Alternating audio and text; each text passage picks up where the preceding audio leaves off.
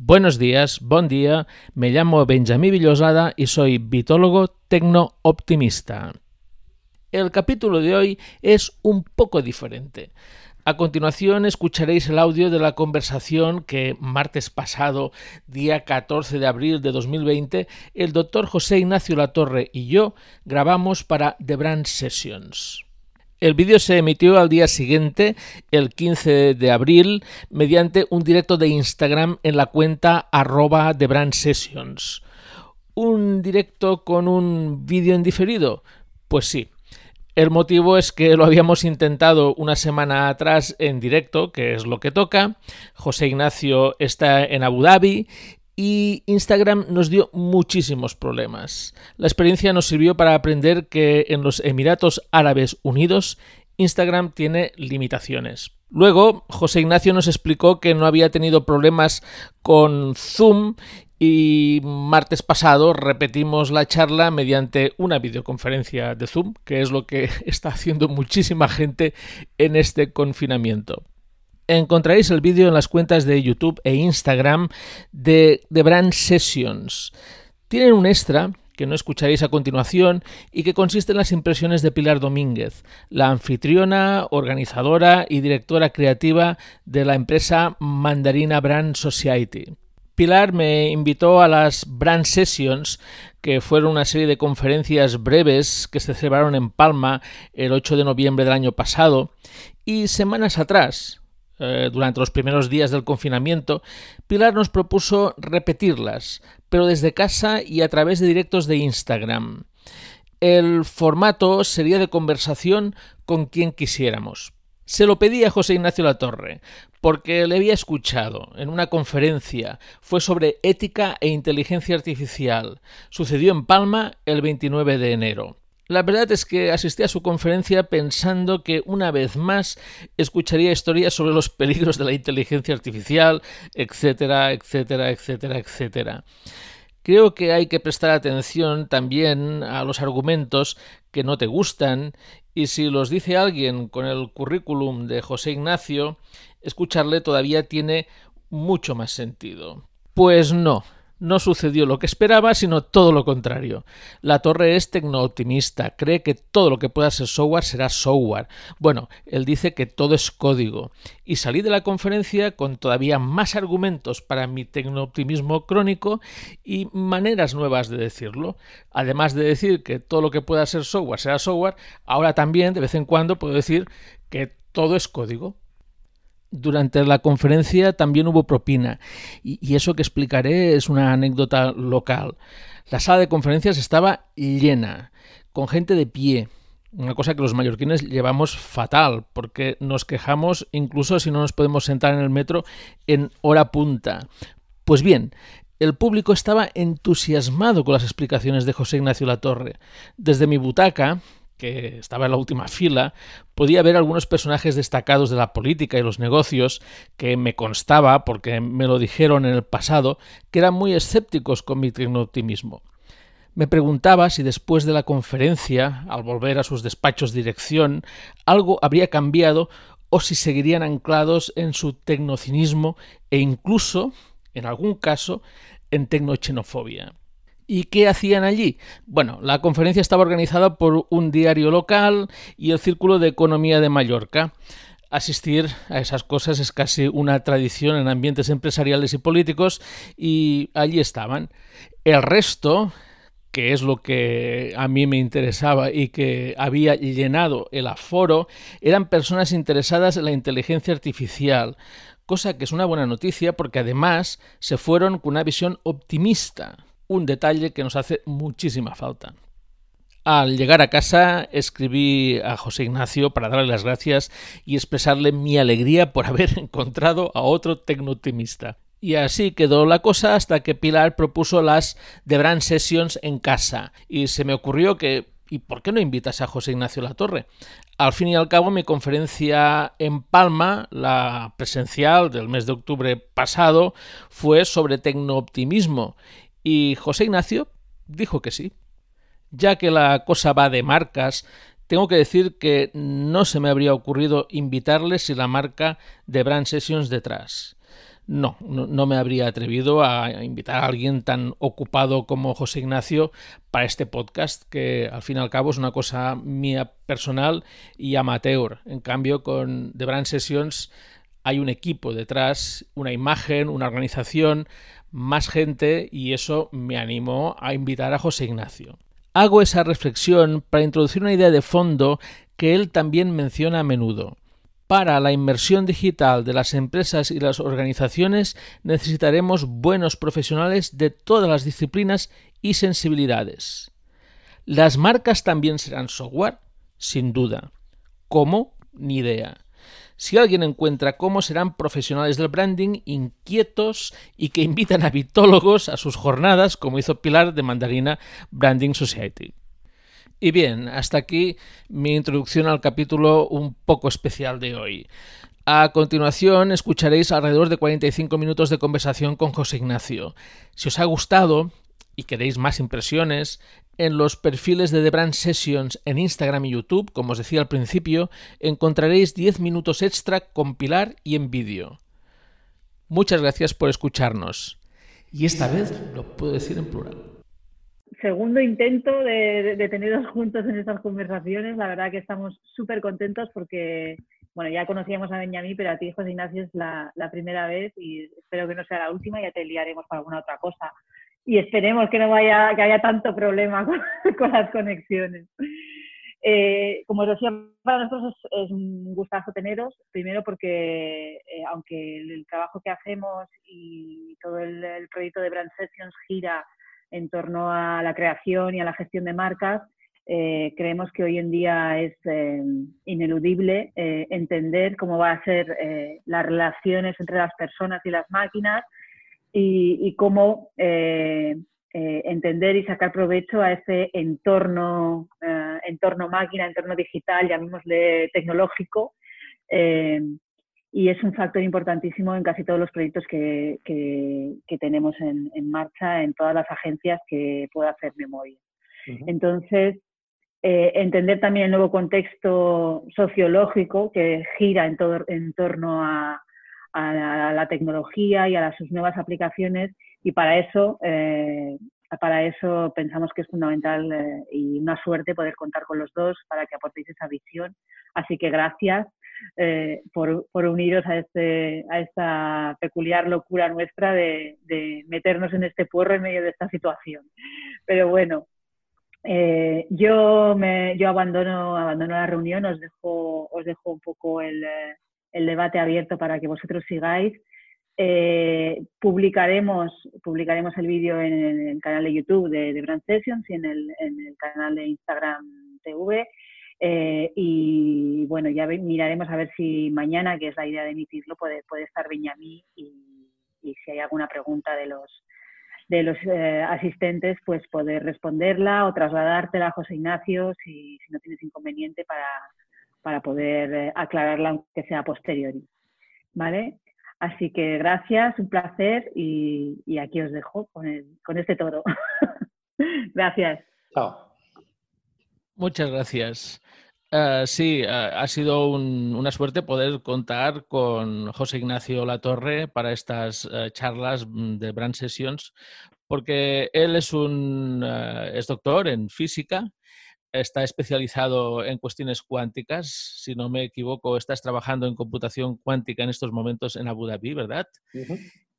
y, como es eh, también tecnólogo por su relación con la, con la, informática y los libros que ha escrito van, eh, el último es eh, sobre ética y máquinas y haces un repaso hasta incluso a toda la historia. Es un libro que recomiendo porque eh, repasas la, informática para poder explicar hasta dónde hemos llegado.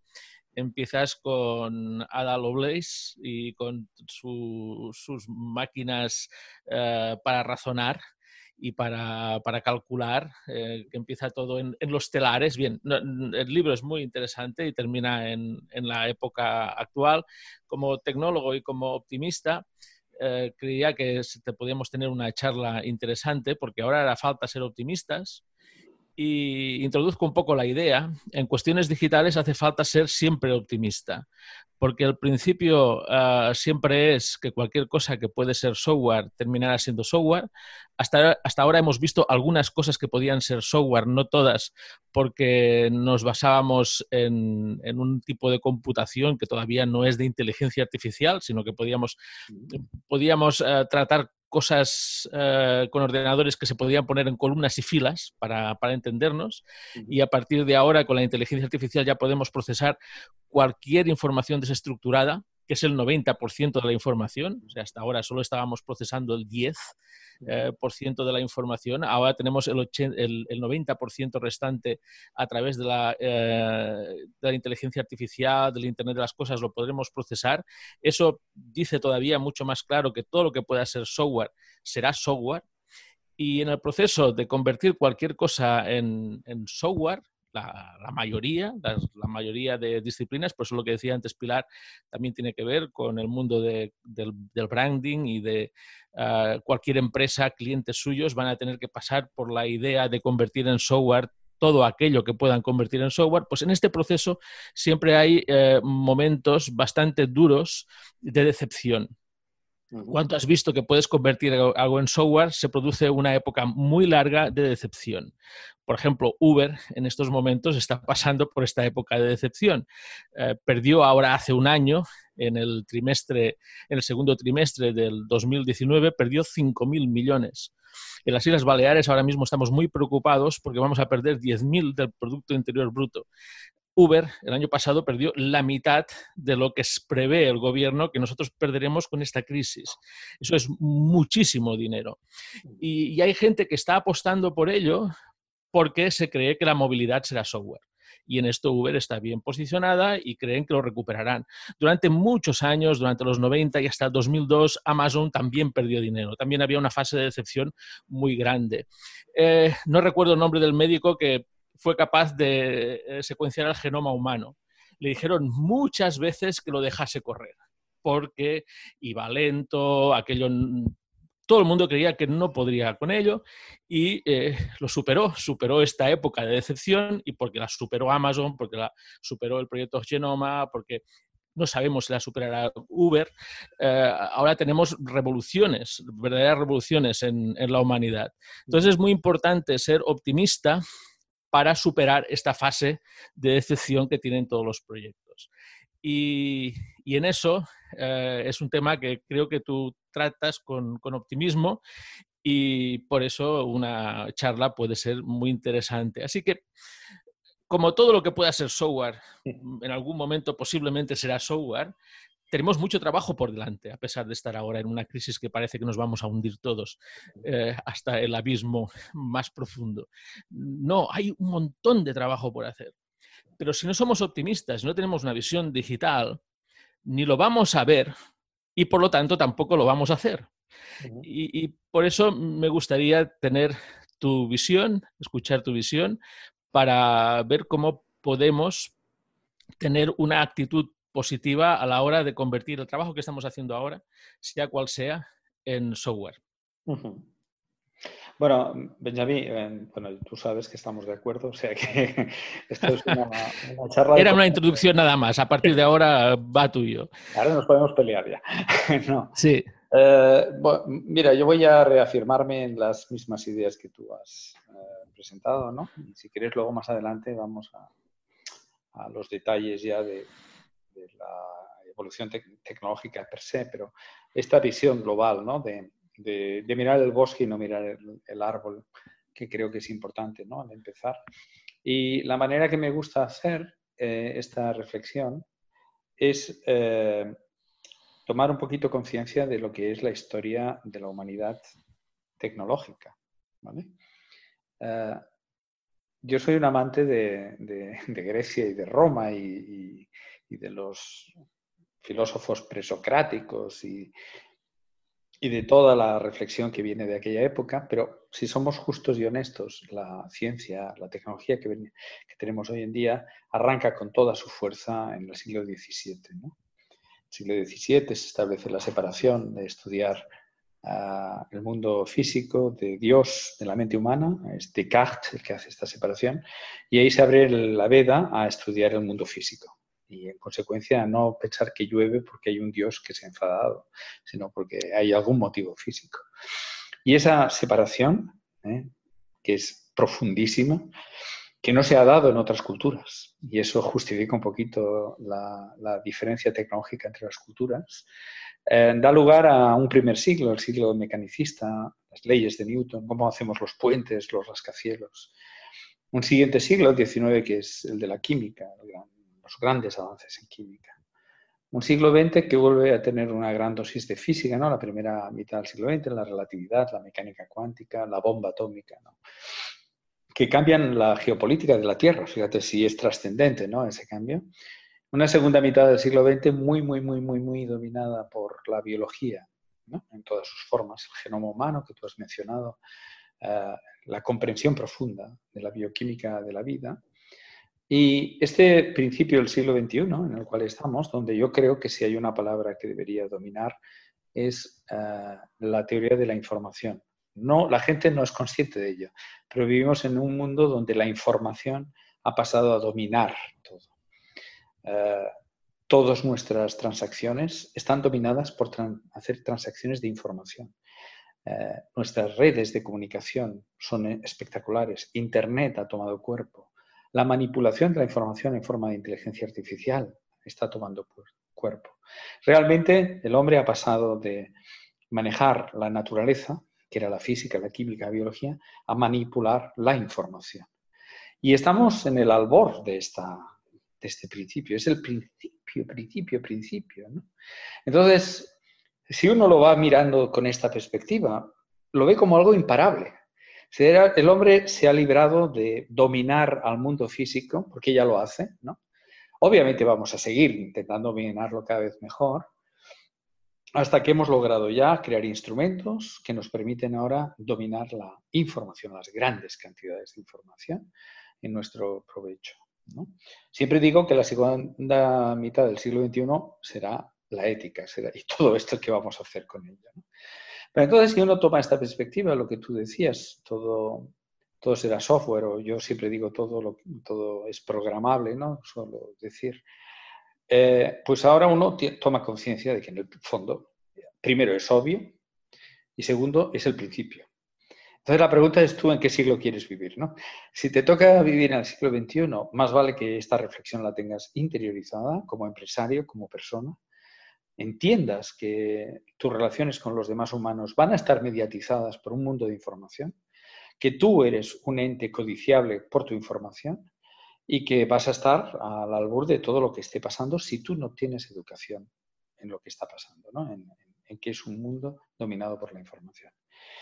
Y dentro de todo ello, la inteligencia artificial avanzada pues, va a ser el, acicate permanente en el cual nos vamos a tener que enfrentar. Yo, creo que, se pueden entrar en ejemplos si quieres, pero, pero la gente debería ser consciente del nivel de, acciones que podremos delegar en inteligencia artificial avanzada ah, que nos va a superar en todos los sentidos. O sea que yo, también me gusta decir que me sabe mal morirme por no saber cómo va a ir esto. creo que es tan interesante lo que va a ser el siglo XXI, tan, tan, tan profundamente interesante, que me gustaría vivir mucho. Perdón, he dicho. Y tú a menudo haces, eh, intentas explicarlo con proporciones, eh, explicas que durante muchísimos años, eh, todo el periodo neolítico hasta que empiezan las revoluciones industriales, hemos tenido un estilo de vida muy parecido. La esperanza de vida era en 35 años. A partir del momento en que aparece la revolución industrial, tenemos un problema ah, gordo con el medio ambiente que se ha ido viendo ahora, pero en aquel momento no se veía. Pero empezamos a vivir más años y con revoluciones que no se habían producido ni en la época medieval, ni en las eras de los metales, nada, que no se habían producido, pues conseguimos tener jornadas de, 40 horas semanales. Eh, conseguimos una serie de, de, cosas que hace que se dispare pues muchas historias y estas eh, cosas que se disparan que implican que vivamos más tiempo y que además tengamos más salud durante el tiempo en el cual vivimos y que tengamos ganas de viajar y de ocio, hacen que el, planeta no, no aguante. Y, ahí ya se plantea un tema ético en cuanto a las revoluciones industriales. Pues ahora viene el tema ético en cuanto al tratamiento de la información, al, al tratamiento de la información que llega eh, gracias a, la ley de Moore, en buena parte, porque hasta ahora no nos preocupaba mucho qué hacían con nuestros datos, porque ni los gobiernos eran capaces de cruzarlos, no había computación con capacidad suficiente para eh, mm, cruzar tantos datos de tantos millones de, de, personas, de habitantes. A menudo los gobiernos son lugares en los cuales se puede ver cuál es la capacidad de computación. Hacienda por un lado hacía sus cosas, pero luego su red social por su lado hacía otras y, era muy difícil cruzarlo todo, pero no solo en el gobierno español, en la mayoría de gobiernos era por capacidad de computación. Pero claro, eh, la ley de Moore hace que cada 18 meses mm, la capacidad de computación sea el doble y eso significa que desde el momento en que aparecieron eh, cosas gracias a la computación, las primeras importantes como la secuenciación del genoma, que fue en el año 2003, eh, hasta ahora, el 2020, pues tenemos el, doble del doble del doble del doble del doble del doble del doble del doble del doble del doble de potencia de computación y, ya nos empezará a preocupar qué hacen con nuestro genoma dentro de no sé cuántas veces de 18 meses, pero eh, como no solemos pensar en exponencial, a, menudo nos lo perdemos. Eh, es aquello de que cuántas veces tienes que doblar un papel eh, para que la, altura de los pliegues llegue de la Tierra a la Luna. La respuesta es solo 42, que es imposible. Creo que físicamente tú eres físico, no se puede pasar de 16, o... pero matemáticamente sí que se puede contar lo que sucede con un papel si lo vas doblando. Pues a la vez que hace 41, mm, estás a la mitad de camino. el pliegue 42 te pasas la luna de distancia. Con lo cual, los siguientes pliegues que tenemos de la ley de Moore en cuanto a computación son tremendos y nos empezarán a preocupar cosas en cuanto a datos, de la misma manera que nos han empezado a preocupar eh, cosas en cuanto a medio ambiente. Y todo pasará en, en 15, 20 años. Es urgente que nos planteemos las cuestiones que decías de la ética y que los gobiernos tomen conciencia de la importancia de legislar y de educar y que esté en los programas de los partidos políticos cuestiones de ética en cuanto a computación. Sí, mira, para abundar también, eh, antes has dicho el salto de vida, ¿no? Empieza hacia 1830, por ahí es donde empieza y si uno mira la curva es espectacular, como no deja de crecer.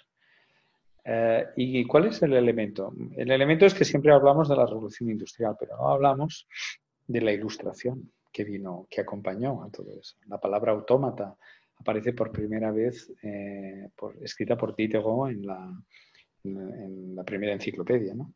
Eh, es decir, que en esa revolución industrial vino también equipada con una revolución intelectual, que es la, el siglo, bueno, que, es la ilustración, ¿no? Y la de las ideas de la ilustración nace la higiene y de la higiene nace el salto, el inicio del salto de vida de los humanos. ¿no? Pero, eh, y el Támesis efectivamente se convirtió en un lugar que no se podía nada, no se podía vivir, que era insalubre, el humo de las ciudades era terrible, pero a día de hoy el Támesis eh, pues está mucho más limpio, el Charles en Boston también es perfectamente limpio y fueron verdaderas posibles ¿no? en su día. Eso quiere decir que los humanos tenemos capacidad de corrección de nuestros errores. Eh, tal vez ahora la ética eh, es eh, más necesaria que nunca porque el poder de los humanos es más grande que nunca y puede hacer daño a la Tierra. Entonces aquí yo quería añadirte una reflexión que es la siguiente, porque estos días se ha dado mucha reflexión en torno al, al virus. Y yo traigo a colación el hecho de que cada país ha actuado contra el virus de formas muy diferentes. Y quisiera concentrarme en cómo han actuado países como, Suecia, ¿vale? como Corea, como, un poquito Austria. Y es que han partido de la base que su eh, población es muy educada, en el caso de Suecia es el ejemplo, y tan educada que creen que ha entendido el problema y que por lo tanto lo único que ha de hacer el gobierno es no prohibir, sino informar correctamente. informar. Con lo cual la decisión la toma finalmente el individuo, pero asumiendo el país de que se ha hecho una buena tarea con la educación y han, sorteado pues, la crisis pues, muy bien, de hecho. Entonces, eh, lo digo porque, por ejemplo, cuando hablamos del cambio climático, de los problemas y demás, yo siempre digo que hay un, una, arma contra todos estos grandes males de la, de la humanidad, que es la información, la educación. Es decir, si tú eh, eres informado correctamente sobre todo lo que significa, resulta que tú individualmente, individualmente tal vez consumirás menos energía, porque te percatas que era gratuito lo que estabas haciendo. Tal vez gastas menos plásticos, los océanos los vas a querer ver más limpios. Es a partir de la educación que yo modifico mi conducta individual, que redunda en que el colectivo es increíblemente más respetuoso con todo. O sea, el gran ataque contra los problemas del cambio climático, en mi opinión, no son declaraciones en ciudades que luego no se obedecen y que luego hay un tráfico de cuánto CO2 contaminas tú y cuánto contamino yo. Es la visión de paliar los efectos en lugar de educar a toda la población y que sea ella la que entonces tome conciencia y actúe en justa medida. ¿no? Entonces, quisiera insistir que el camino hacia la ética es ese. ¿no? ¿Cómo será la humanidad más ética? Pues claro que nos van a hacer falta leyes, pero el instrumento ético por excelencia es la educación. No hay otro, es la información, es la educación, es compartir. Es, y déjame que lo diga abiertamente, cosas como la que estamos haciendo ahora. Es decir, hablar en público, compartir nuestras ideas en público, sin miedo, sin sesgos, sin prohibiciones, compartirlas. Y que la gente escuche y ellos tengan sus ideas y yo las escucho. Y esta, esa sociedad donde la información ah, de calidad circula correctamente, no mediatizada, no politizada, no, sino la verdadera información, que es lo que en el fondo es la educación, son el instrumento. ¿eh? Yo siempre digo a mis estudiantes que para resolver un problema complicado hacen falta instrumentos. Te hace falta, obviamente, eh, un ordenador, te hace falta un aparato experimental, pero hay un instrumento que está por encima de todos, tú sabes lo que vas a hacer con eso, es tu educación, es el talento que tú tienes. El gran instrumento de transformación es el talento, es la educación. Entonces, por eso yo creo que hemos de defender a muerte ¿no? todas las formas de, intercambiar información de calidad y de reflexión.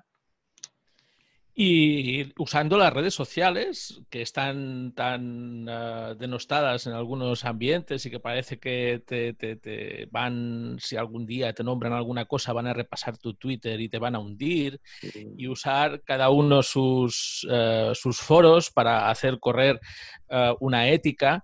Esto es muy importante, de hecho es la intención que tuvo uno de los creadores de la informática moderna, Douglas Engelbart, que es el que inventó el ratón es el que inventó las interfaces gráficas, inventó el, wiki, el hipertexto, y eso lo hizo en los años 50, y a su proyecto le llamaba el ILS, que era eh, el, aumentar, el Augmentation, o sea, su sistema informático se llamaba ILS, y su proyecto se llamaba Augmentation, el ARC, Augmentation Research Center, porque su idea era aumentar el intelecto humano porque decía que si no estábamos conectados y no teníamos herramientas para utilizar eh, la información de forma más fácil, como interfaces gráficas, un ratón, eh, no, entraríamos en contacto todos, no nos organizaríamos y que los problemas de la humanidad tenían que tener una solución colectiva.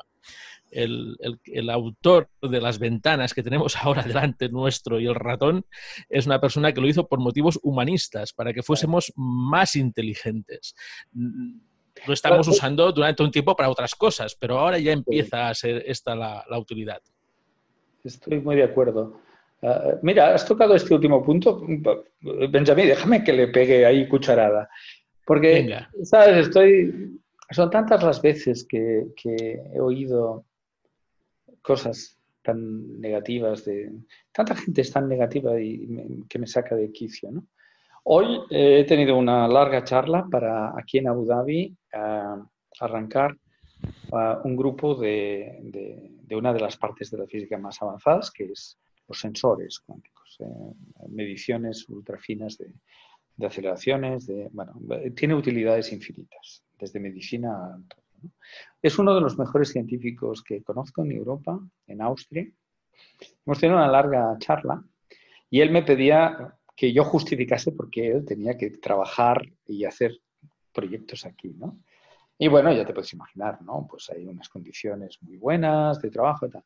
Pero al final de todo le he dicho, mira, Marcus, digo, déjame que te diga una de las razones profundas. Digo, que yo creo que es muy bueno que todas las culturas, todas las civilizaciones eh, lleguen al nivel de investigación elevado.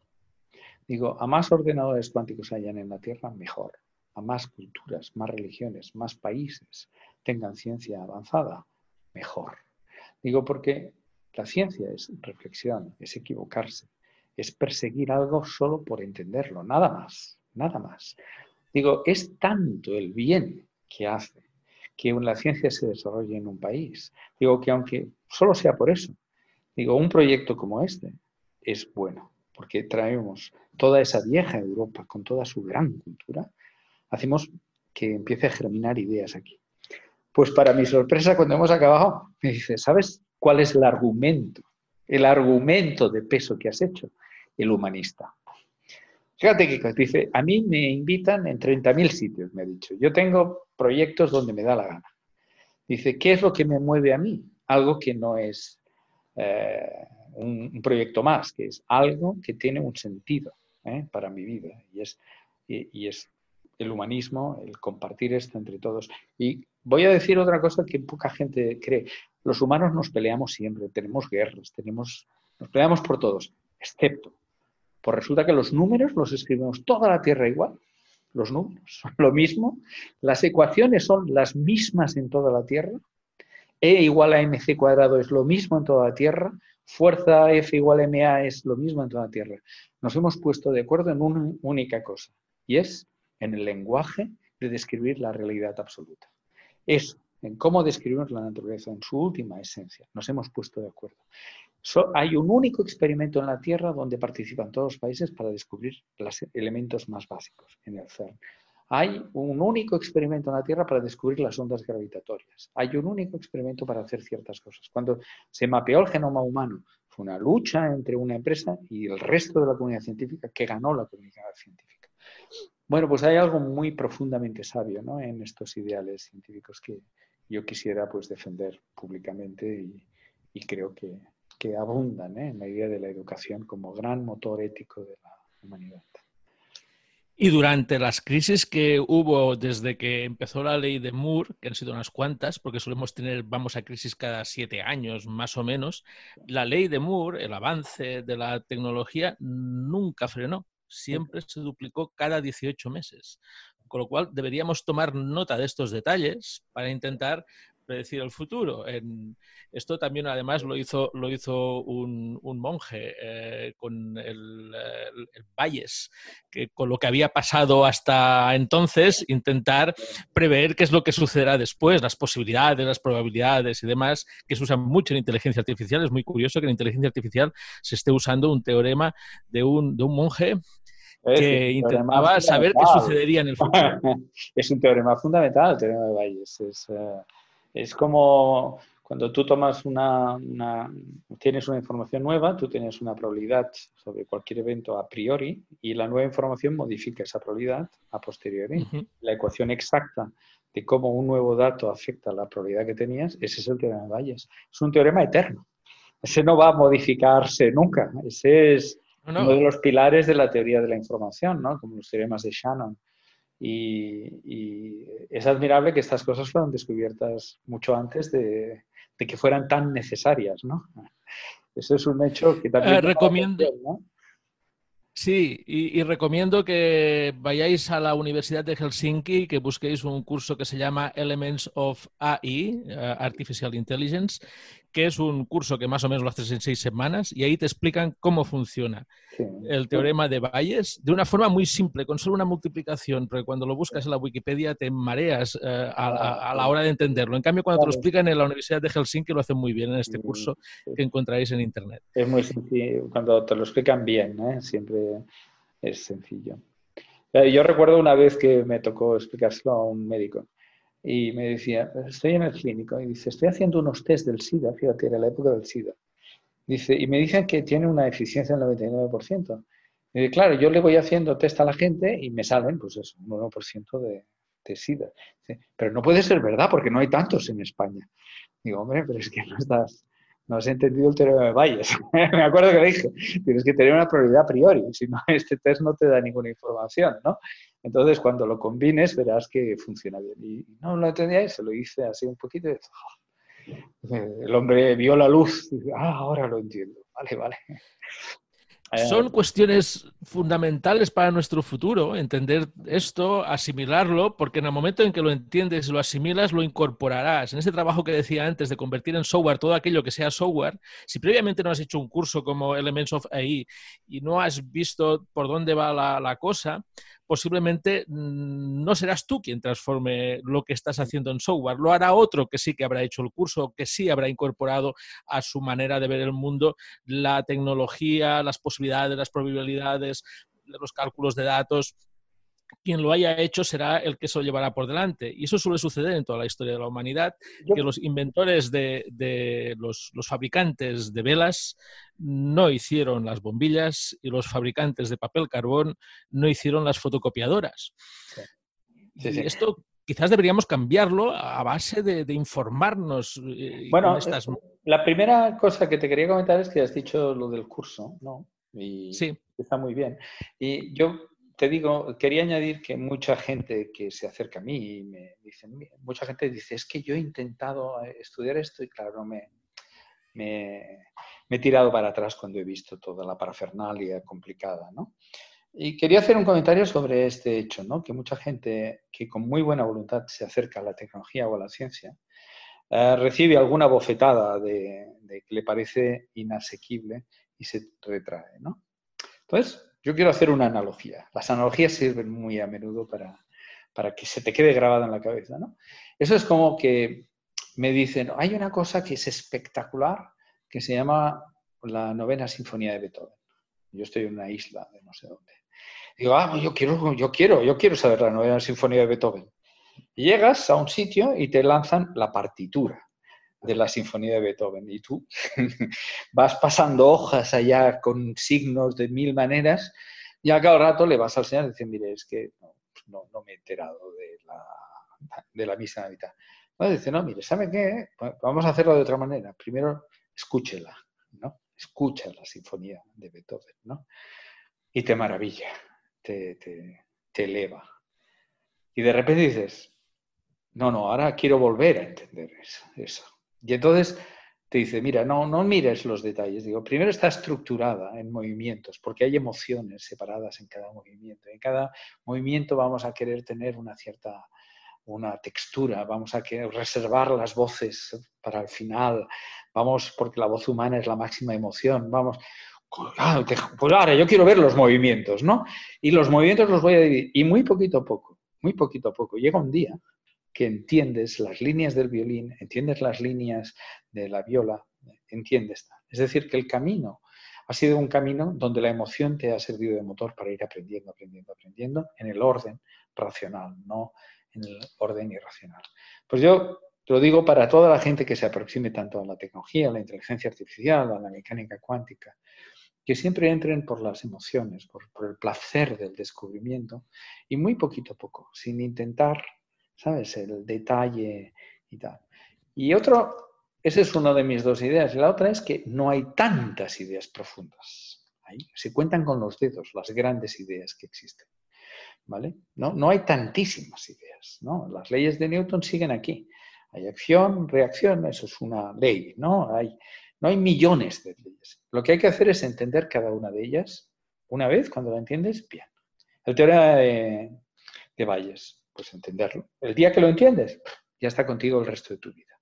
No, las 20 páginas que puede tener la Wikipedia son irrelevantes, son nada más para decorar, para hacer bonito, pero la profundidad del teorema está dada en una línea. Nada más.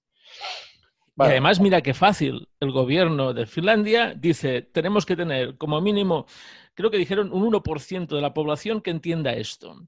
Porque si lo entiende un 1%, va a arrastrar a otros y, habrá alguien que se le ocurra cómo convertir algo en software. Y además no es tan aburrido como ha sido hasta ahora, porque a menudo me pregunto cómo ha triunfado Internet cuando lo usábamos hasta hace muy poco eh, como oficinistas nos teníamos que sentar en una mesa, a menudo cara a la pared, delante de una pantalla, un teclado que recordaba una máquina de escribir. Parecíamos, eh, parecíamos oficinistas y con esto era muy difícil ser optimista.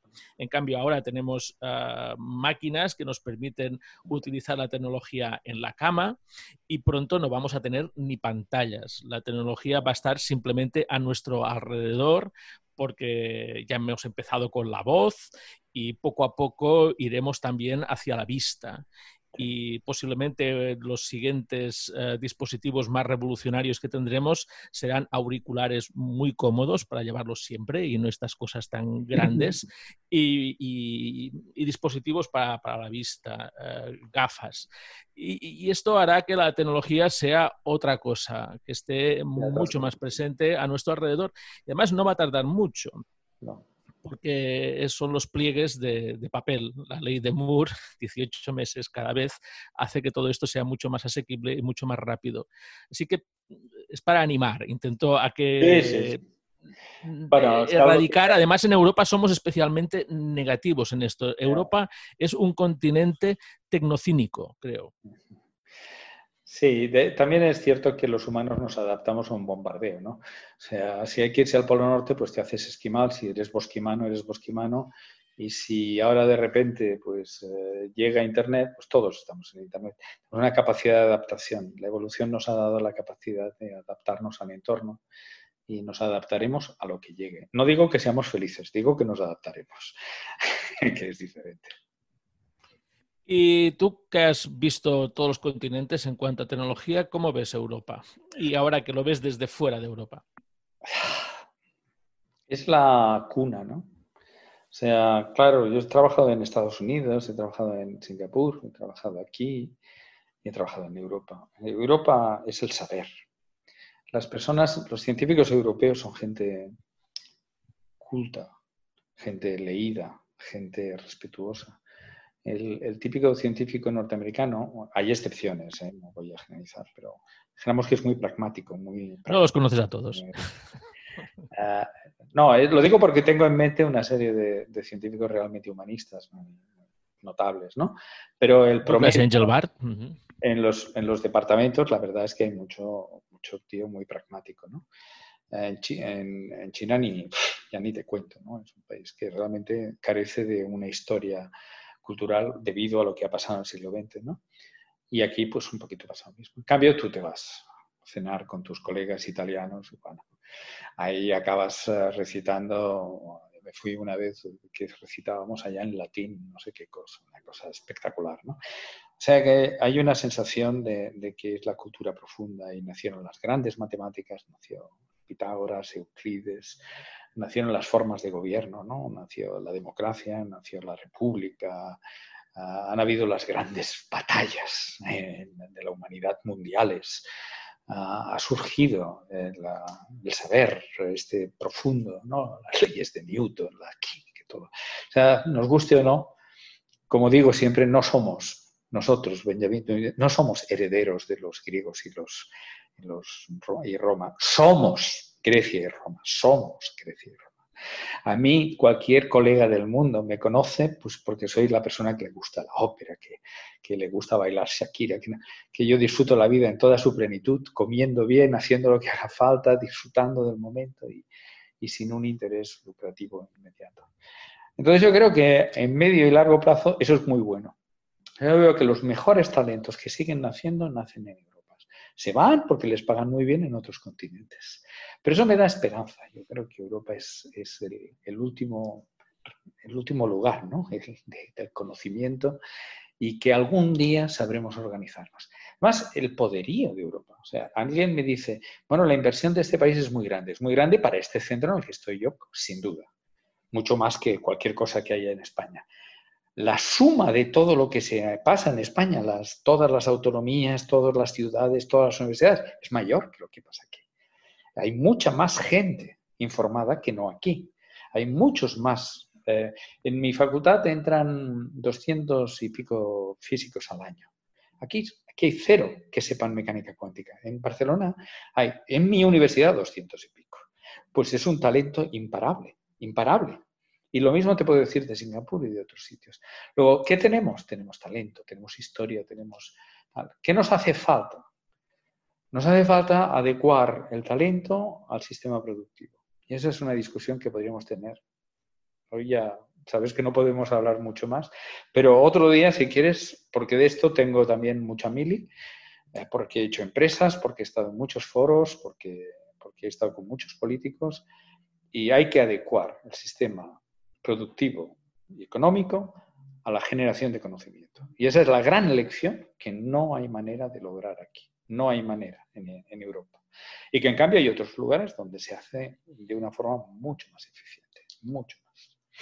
Si vieras eh, el sistema de startups que tiene la Universidad de Singapur, es espectacular. Si vieras eh, lo que pasa en Stanford o lo que pasa en Caltech o lo que pasa en MIT o lo que pasa en muchas universidades norteamericanas es espectacular. yo creo que ese es el, escollo, ¿no?